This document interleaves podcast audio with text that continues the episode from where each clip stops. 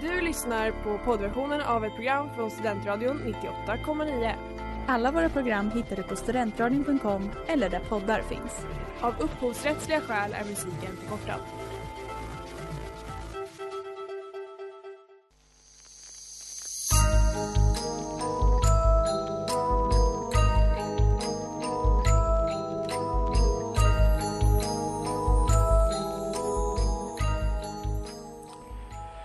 Hej och välkomna till det här avsnittet av Final Boys här på Studentradion 98,9. Jag heter Kevin och med mig i studion alltid idag är Kai! Ja, hej Kai och det här avsnittet har vi valt att kolla på filmen Hereditary som kom ut år 2018 och är regisserad av Ari Aster.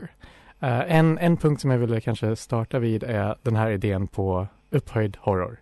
För vi som uh, skräcktittare särskilt vi, då jag, du, Kai, som kollar på väldigt mycket skräckfilm, är väldigt medveten om den här idén med liksom att skräck kanske utanför sett ses som en väldigt B-genre. Det är mycket liksom så här, ja ah, men det är ju bara blod och de mördar folk och man dödar kvinnor. Massa och... jump scares. Ja, precis. Och det stämmer. mycket, mycket, det är 90 procent. mycket skräck kanske är så. Det behöver inte betyda att det är B, men den är upplagt på det sättet. Men sen finns det den här idén som kommit kanske senaste decenniet på upphöjd horror, horror sån skräck som är liksom så här Oscar-worthy. Uh, jag, jag, skulle kanske påstå att det börjar för, först och främst med kanske filmen It Follows, eller var en av dem. Uh, men det slog verkligen igenom den här filmen Hereditary, för jag tror också det har med framförallt att den kanske inte har så många typiska skräcktroper. Att det är väldigt, alltså Tony Collette gör ju typ en Oscar-worthy performance och det är, det är många Ja men inte, om inte A-list celebrities väldigt liksom, ja men high status figurer liksom. Så jag tänker att eh, det blir en intressant grej att diskutera utifrån det.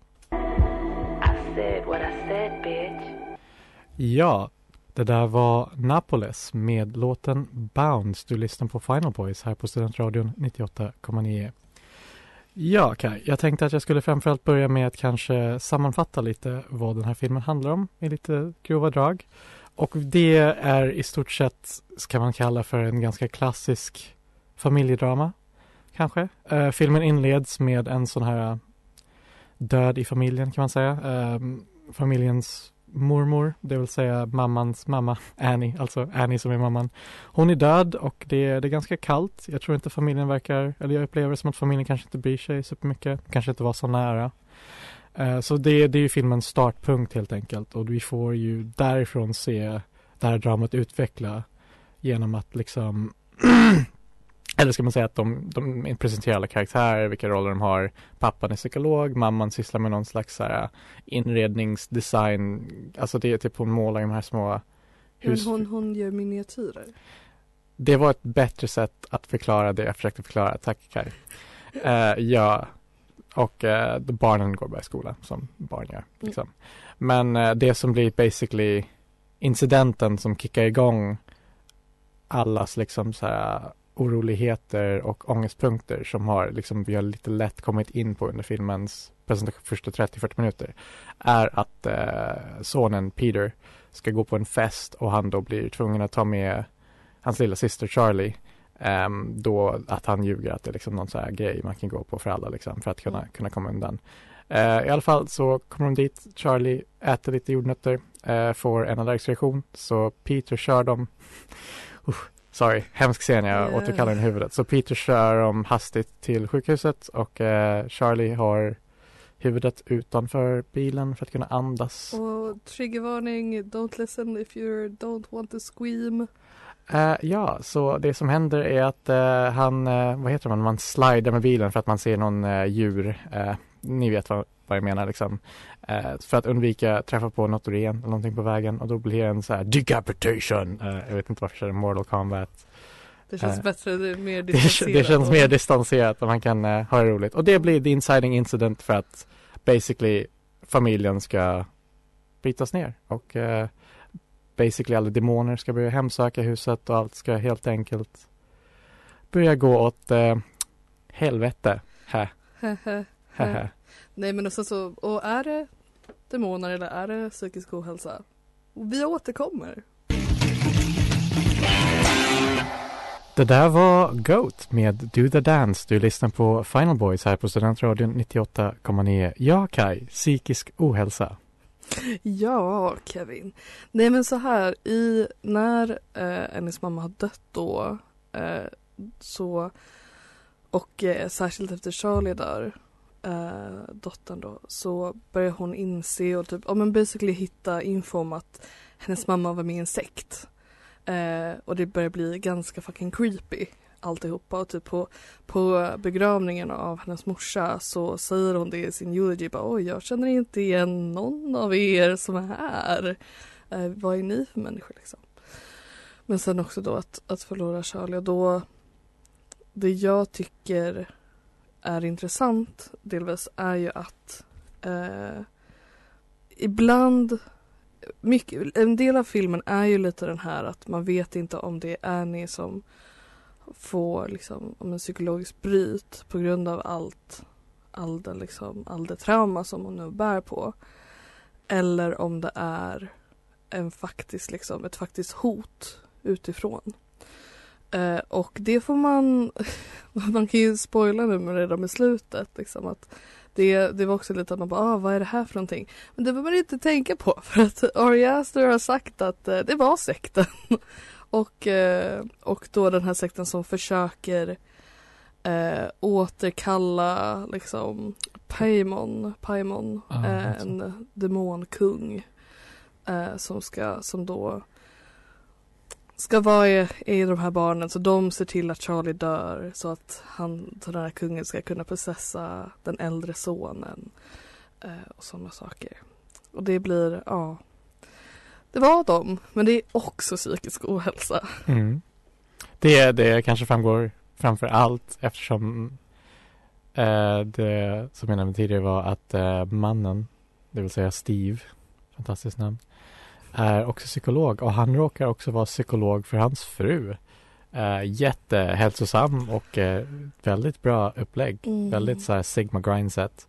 Och jag tror att man kan liksom ta fast väldigt mycket med den relationen som, eller interspelet de har med varandra och vad det säger om karaktärerna liksom. Jag tror vi kan ta det i nästa prat men det jag tycker var intressant är den här typiska tropen i skräckfilm med psykologer som har patienter som de bara nej this person's fucking whack. Det, det är aldrig det här, vi får aldrig en bra psykolog som försöker hjälpa sin patient. Det är alltid en psykolog som så fort de verkar lite on edge, som bara nej fuck det här, nej, jag ska anmäla dig till polisen. Uh, into the jail with you, liksom. Ja, det där var Boys and Ivy med låten Boys Don't Cry. Du lyssnar på Final Boys här på Studentradion 98,9. Eh, på tal om det här med psykisk ohälsa och att liksom, ja det du nämnde med att Ari Aster kommit ut med att mammans roll i det här är inte liksom bunden till att hon mår psykiskt dåligt. Det är snarare machiavellianska skuggtaktiker som kulten utför på henne. Men eh, däremot tycker jag det är intressant kanske att kolla på nu utgår jag från att det är bara mamman vi pratar om, liksom att det inte att han har uttalat att de andra karaktärerna inte lider av någon form av psykisk. Han, han pratar också om, eh, i en intervju jag läste om att Peter obviously har PTSD. Mm. Eh, så som mamman också, också lider av. Mm, självklart. Eh, men det jag tycker är intressant är liksom i och med Charlies död så blir Peter ganska isolerad från resten av familjen. Att hans liksom skyddsnät försvinner på ett sätt och blir nästan som ja, som ett hot. För mamman beter ju sig väldigt fysiskt aggressivt med honom bitvis. Eh, och pappan är ju kanske inte ja, vad ska man säga, supersnäll heller, även om hon är mer skyddande över pojken än vad mamman är. Men det känns som att mycket, mycket ansvar läggs ju på honom under den här traumatiska händelsen, trots att det inte ska göra det. det ska ju, han ska ju tröstas liksom av sina föräldrar. Eh, vilket är intressant, liksom så här, liknelse till PTSD i sig, för jag tänker många som lider av det, förstår man det som, kan ju klandra mycket på sig själv, liksom. Att det blir väldigt mycket av en att kolla in sig själv i spegeln och tro, ah, nej men det här det hemska jag har genomgått, det är jag som har orsakat det, det är mitt fel, det etc. Och då blir man ju isolerad på två fronter liksom. Det är inte bara externt men internt. Ja och då, då kan man ju också prata om att en av de bästa scenerna i den här filmen det är ju den här the dinner scene. där de börjar liksom, där mamman totalt eh, eh, går, i, går in i attack. eh, och eh, och säger så här I'm your mother, you don't talk to me like this och liksom sådana saker. Och jag tycker att det är väldigt um, Peter är en väldigt intressant karaktär för jag tycker att han det som han, den karaktären lyckas med är verkligen att visa typ för alla fattar ju att det är jobbigt att ha PTSD. Men med mycket psykisk ohälsa så blir det liksom att man fattar inte hur typ fult det kan se ut. Um, till exempel liksom att men, han är ju också liksom i sökandet av att beskylla någon eh, beskylla sig själv, beskylla sin mamma. Eh, och det är jätte, jättevanligt hos människor med PTSD. Eh, här kan jag bara side-note att jag själv gått, ut, liksom gått en, ut, eller gått en, ehm, en behandling för min PTSD. Och där är det mycket, mycket fokus på just typ om man går du mycket tillbaka till, till händelserna eh, och, och, känner du att du antingen behöver beskylla någon eller totalt beskylla dig själv.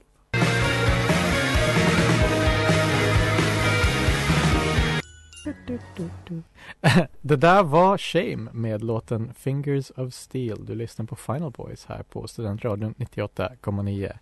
Och nu tänker jag Kai att vi ska prata om grekisk tragedi. Där så... Ja, förlåt jag måste bara, ja. Äntligen, du som uh, classics nerd, eller så här, vad ska man säga, classic student. Jag har ju, jag har ju tagit upp det här i mina andra program, mm. mycket. Mm. Grekiska tragedier, bäst ja, jag vet. Precis, med alla dina staty grekiska statyer som är tatuerat på kroppen liksom. Precis, alltså I wish. Ja, en dag, en dag. Men det är så att Peter uh, får läsa en pjäs av Sofokles uh, på sin skola. Det är nämligen Herakles som jag själv inte har läst. Jag är lite bekant med storyn, men jag har läst lite andra pjäser av Sofokles. Mm. Men uh, som jag förstår det, i Herakles-pjäsen så är hela grejen det här med att liksom så här, Hercules då får, nu säger jag Hercules för mm, det är enklare. Kom igen. Uh, come on. att han liksom utför massa olika utmaningar som gudarna liksom ger honom för att han ska liksom uppnå någon slags gudomlig status. Så att han går över från demigod till faktisk gud. Men hela grejen är att han ignorerar de här olika tecken som finns i de här utmaningarna som påvisar hans uh, eventual death. Och det är en ganska typisk grej i grekisk tragedi att det liksom finns så många tecken på typ så här, ja ah, det är här, precis här, allt kommer gå fel. This is the prophecy. So don't do this. Och sen gör karaktärerna exakt det på något sätt liksom. Det är en ganska classic grekisk tragedigrej. Mm. Mm. Ja, verkligen. Och sen så blir det ju den här, även det här just med, är det, är det dumhet eh, att inte se de här tecknarna? Eller spelar det ingen roll för att det är liksom profeserat? Liksom, är det som sagt nästan en deterministisk liksom, åsyn att det spelar ingen roll vad du gör för det här kommer ske i vilket fall. Eh, och är det då mer för publiken så att säga? Det, det är det där typiska med liksom så här, ja om du får höra, om man hade hört det här spådomen från oraklet i Delphi, hade, är det det som ju faktiskt gör att själva liksom spådomen går i uppfyllelse? Eller hade den gjort det ändå? Det, mm. det är den eviga frågan liksom att hade det spelat någon roll om de var medvetna om de här kultiska symbolerna som bara ligger runt om i huset som ingen har ifrågasatt. But why the fuck is the light red in this room constantly? who, who knows man? It just lights kind of work that way here. Mm att det, det är det som är intressant att undra, att, att frågeställa sig om familjen var bara dömd, hur mycket ödet spelar roll, hur mycket familjearv spelar roll till det här giftiga, ja, framtiden helt enkelt. Ja, och sen så för det blir ju just där ödesgrejen och hur de är så som dockor i den här sektens händer eh, som tydligen planerat det här i flera år. Eh, visar sig också på Ari Asters liksom regisserande att liksom i Annies eh, miniatyrer och dockskåp så har man också gjort en miniatyr av deras hus. Och kameran liksom använder det för att gå in i olika scener så man känner, känns som att man går in i själva dockhuset. Det är här det händer. Och det är precis samma förutsättningar som alla, liksom alla andra.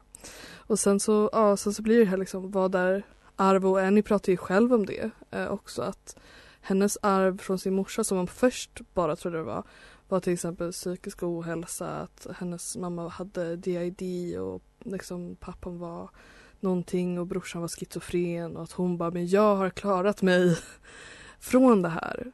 Eh, men sen så att hon inte då är så medveten om att hon inte bara potentiellt har ärvt eller liksom through the hereditary hereditary um, de här psykiska sjukdomarna utan även den här sekten.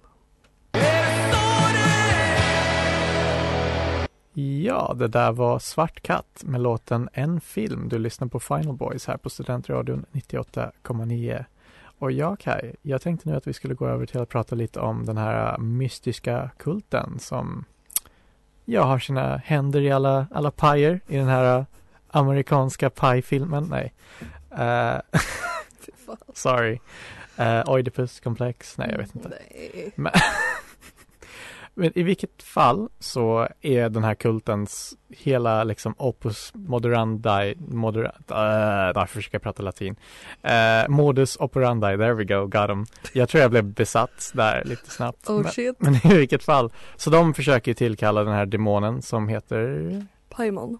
Paimon från uh, The Digital Digimon Universe, tror jag. Uh, uppenbarligen. För det ska vara som någon slags jag förstår det som nästan en antichrist-liknande gestalt. Uh, jag vet inte om du tänkte på, men det är ju ganska mycket så här religiöst ikonografi. Um, framförallt så är det ju en scen där typ så här när mamman är död så ställer de hennes kropp uh, i den här typiska hon gör den här handgesten som Maria gör när Mm. um, Jesus föds eller vad det är. Men den är motvänd så att hon har liksom så här the reverse. Vilket är typiska Oh no shit it's reverse Christianity that means Satan Det är liksom. så himla, alltså jag tycker ändå att eh, Satan nu, alltså jag tycker att man borde vara lite mer typ hitta på sina egna grejer. Man kan inte bara göra upp och nervänd kors Mm. motsatta.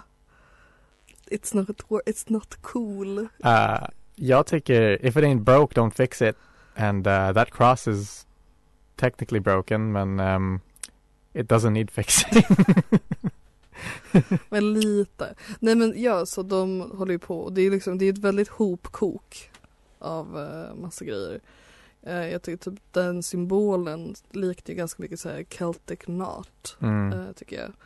Och eh, vissa saker, alltså jag tyckte också det var kul i intervjun eh, som jag läste med honom. Så sa de bara, ah, varför, varför Paimon liksom? Det, det, det, det. Och då sa Aster att eh, ah, han ville bara inte att det skulle vara djävulen. Men det är djävulen. But it's basically the devil. It's the devil but a Digimon. Precis. Mm. Eh, som eh, gillar, har en fallenhet för eh, avhuggna huvuden. Mm. Också någonting jag bara kom, hittade på. Mm. eh, för att why not? Mm. Det, är en, det är en bra grej. Paimon, Demon Lord of Decapitation. Of head. of head, yeah, he gives some good head. det, Eh, det gör han. Men det är intressant hur mycket liksom jag, jag tänkte på hur det skulle se ut med en Hereditary 2. Okej. Hur- Vem lever? Jag För jag kan- tänker att filmen slutar ju med den här uh, basically att uh, Peter det är inte helt ut och hållet sagt men det är basically det som filmen implicerar att han är ju nu besatt och han är ju nya The Prince that was promised eh, den här nya demon Lucifer kung liksom och det kan ju väl innebära inget annat än världens undergång Ja, vilket är intressant. Det tycker jag faktiskt är en väldigt intressant och nice grepp att använda för en sån ganska kontrollerad nästan minimalistisk berättelse. Att det liksom fokuserar kring de här fyra karaktärerna. Det är väldigt kort tidsperiod. Men att det här upplösandet av kärnfamiljen och eh, Peters ascension till Demon Godhood innebär inte bara liksom det här förlorandet av hans egen värld att hans familj dör etc. Men att hans familj dör upphöjs till nej men nu är hela världen nu är det rapture time baby liksom. Och det tycker jag är en ganska nice eller fint stilistiskt grepp att det på något sätt knyter ihop det här att förlora sin familj blir som en världens undergång för individen men samtidigt så i filmen eftersom det är skräck Mm. man kan göra vad man vill så är det en faktiskt jordens undergång. ja, nej men ver- jag håller verkligen med. Um, sen så, jag, jag kommer tänka på mycket typ deras plan. eh, som hade pågått i flera år. Och att då att mam- mormors plan var ju att använda sin, sitt barns eh, eh, barn eh, för att återkalla Paimon då liksom. Men att om jag, om jag minns rätt så var det ju så att hon hade ju kuttat relationen med sin morsa eh, vid tiden Peter föddes. Eh, och därför när Charlie föds, alltså det här är the biggest ick i hela filmen. När hon berättar för Charlie, bara ah, du och din mormor hade sån speciell relation. Hon lät mig inte, hon lät mig inte amma dig, hon ville amma dig själv. Ah. Ja. Och att liksom då att de bara, men de visste att de skulle behöva typ döda Charlie för att sen för att Paimon skulle ge in i en killkropp. Alltså Mm. the transness. Eh, och så vidare. Uh, men det Paimon Demon Lord of, of headed of non-binary beheadings. of non-binary beheadings. She wanna come to the ends of the pens when your friends down kept from my free guys. Ja, det där var, det där var A1XJ1 med och nämns med låten Don't Lie. Du lyssnar på Final Boys här på Studentradion 98,9. Och Kai, vet du vad det är dags för nu? Vad är det dags för? Det är dags för veckans dumma beslut. Let's split up and search for this ape man who eats hamburgers. Yay! Världens bästa jingel. Nu ska vi hitta hamburgaren. Eh, ja. Veckans dumma beslut. Jag, jag kommer ju direkt att tänka på det här fundamentala grejen om att eh, Annie då som misstänker i början av filmen att sonen ska iväg på en promiskuös fest säger okej men om det är en sån eh, familjevänlig fest då kan ju din lilla syster följa med. Och det här är så passivt aggressivt att jag får panik. Uh, men inte bara det utan även om hon, Charlie då, inte hade eh, dött och blivit decapitated. Kanske fortfarande inte jättebra att skicka med henne på en tonårsfest när man som hennes modersinstinkter säger henne säger att det är en tonårsfest. Det kan bli alcohol and drugs. Det är Jag tänk, inte bra. tänk att det är lika bra att intressera barnet för det i säkerhet av med sin brors sällskap liksom. Get, get turned with your siblings. Yeah, and Men- then, you, then you eat fucking Peanut butter jordnötter. and die. Men jag tycker att det är en intressant punkt för att jag tror det självklara valet för en veckans dumma beslut hade varit bara att ja, um, köra, alltså att man lägger skulden på Peter på ett sätt. Att så här köra lite recklessly, ha fönstret öppet med ett barn som lite döende. Ja, allt, allt vad det innebär. Men jag tycker du slår verkligen, vad säger man på svenska, hammaren på nålen, nålen Hammaren på spiken. Hammaren på spiken, spiken på skaftet, spiken på fåglarna, etc. Vadå, Med, spiken på fåglar? Ja, jag vet ja, för att göra lite mer brutalt. Ja. Men att du verkligen fångar det, att det ligger kanske i någon mån i, i moderns händer. Att det är liksom Charlies blod är i hennes händer. Att det är liksom, hon är ju medveten på något sätt att den här festen kommer att ske. Man kan ju som sagt skilja på kulten och att det är genomtänkt, vilket det, det är väl liksom. ja, de har ju lagt ett dött, eh, död, ett dött djur på vägen. De har sett till att de åker den vägen och allt det där. Men jag tycker också just att varför det är ett dumt beslut är också för att jag tycker att det är ett dumt beslut oavsett om hon hade dött eller inte. Mm, Alltså, precis. it's a bad, it's a bad mom move. Mm, never send your kids to parties. Att, an- nej men att använda sitt barn i, i det här kriget med sin tonårsson. Alltså, kom igen. Vad fan. Jag blev ju, jag må inte ha ett barn. men jag har småsyskon. Och eh, it would be a bad move. Dum dum. Slå färdigt. Bort.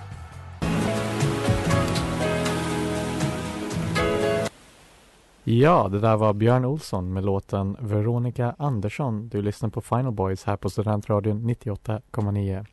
Ja, Kai, jag tänkte att vi skulle bli lite lätt avrunda. Lite, prata om lite vad vi tyckte om, vad vi inte tyckte om. Ge lite slut, slutbetyg etc. Wow. Jag ville kanske påbörja den diskussionen lite i det här idén som jag nämnde i introt med upphöjd horror. Jag tror att Hereditary för mig, jag såg den ungefär när den kom ut tror jag, 2018, kanske början på 2019. Någon ganska nära in på liksom.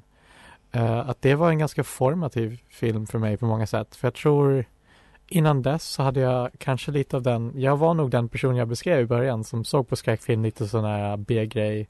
Det var inte så mycket konstnärligt värde i det. Um, något som jag tycker verkligen tvärt emot nu, även när jag kollar på de B-filmerna, men jag tror den här filmen fick verkligen mig att bara se den och bara, gud, skräck kan vara det här dramatiska, det här äh, gesamt konstverk. Att det verkligen har allt man eftersöker och var läskig. Liksom. För den är verkligen, jag skulle säga sista 5-10 minuterna är orimligt läskig slash traumatisk. Den har inte jump scares men det, det blir delar där jag skriker och det är extremt intens hela tiden liksom. Men att den ändå har sådana här uh, extremt dramatiska inslag. För jag skulle säga större delen av det, det som bär den här filmen är att den inte är fokuserad kring att skrämma tittaren. Den är intresserad i att bli det här familjedramat som bara, att uh, öka den spänningen. Den är nästan som en deckare av ett Mm. slag liksom. Att jag tror för mig att den verkligen så här upp den påbörjade hela min fascination med skräck tror jag i vuxen ålder och eh, därför tror jag för min del har den en väldigt stark ja, plats kanske. Mm. Jag tror inte jag kan se den med eh, objektiva glasögon. Nej, alltså jag, jag skulle säga att jag gillade ju skräck sen innan. Men jag tycker absolut, och jag tror också att det, den hade en väldigt stor påverkan på hur skräck såg, som vi var lite inne på. Ehm, och hur, det, hur man ser på det nu. Ehm, att det, den, även om den har nästan gjort sin genre av skräck mycket mer tillgänglig. Eh, för att de flesta vet typ vad Midsommar, vad det är för film. Eh, eller till och med Hereditary. Um, och Ari Aster har verkligen byggt fram det, alltså det är nästan den här tillgängligheten. Uh, och jag, jag tycker också att det, det var väldigt formgivande just att se, för jag tror inte jag hade sett skräck helt på samma sätt heller. Jag hade gillat det. Men jag hade inte tänkt mig att en, eh, en sån snygg skräck skulle påverka mig så mycket. Och särskilt då i slutet. Att det blir liksom det här kaosartade och som det här som Ari Aster bygger upp hela filmen som säger att och han säger den här i en intervju att han vill ju visa det här, den här liksom, men, amerikanska familjedramat där det ofta visas sluta på ett, med ett lyckligt slut. Men att han ville visa det liksom när det inte gör det. Chefkiss, konst.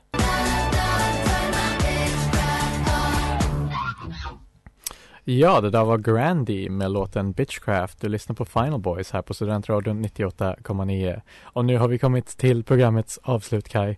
Och det har kanske framgått, jag tycker väldigt mycket om den här filmen.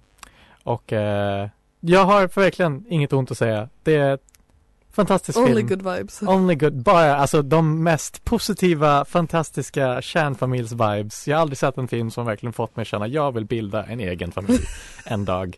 Tills jag såg den här filmen och jag bara yeah, hell yeah, det är det jag är ämnad för. Äntligen någonting som verkligen visar, äh, åter, återspeglar min, min syn. Verkligen min, Och- äntligen en film med en hel vit familj och en brun son. Det är exakt så jag känner. Det är jag som brun son själv. Eh, eh, Men jag skulle ge den här filmen fem Don't you ever raise your voice at me! I am your mother! av fem. Don't you ever raise your voice at me! I am your mother! Eh, ja, som sagt, alltså the most iconic del av kanske hela filmen. Ehm, och jag, jag skulle ge den så här, så här. När jag först såg den. Otrolig. Jättebra. Blev jag med slutet och allt det här väldigt, väldigt provocerad. Och har tänkt på det, det har gnagt på det. Och även om Ari Aster har sagt att det var sekten och allt det där och det lyckades, bla bla bla bla bla.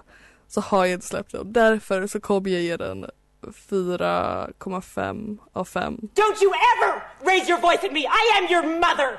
Och det, det är sådär.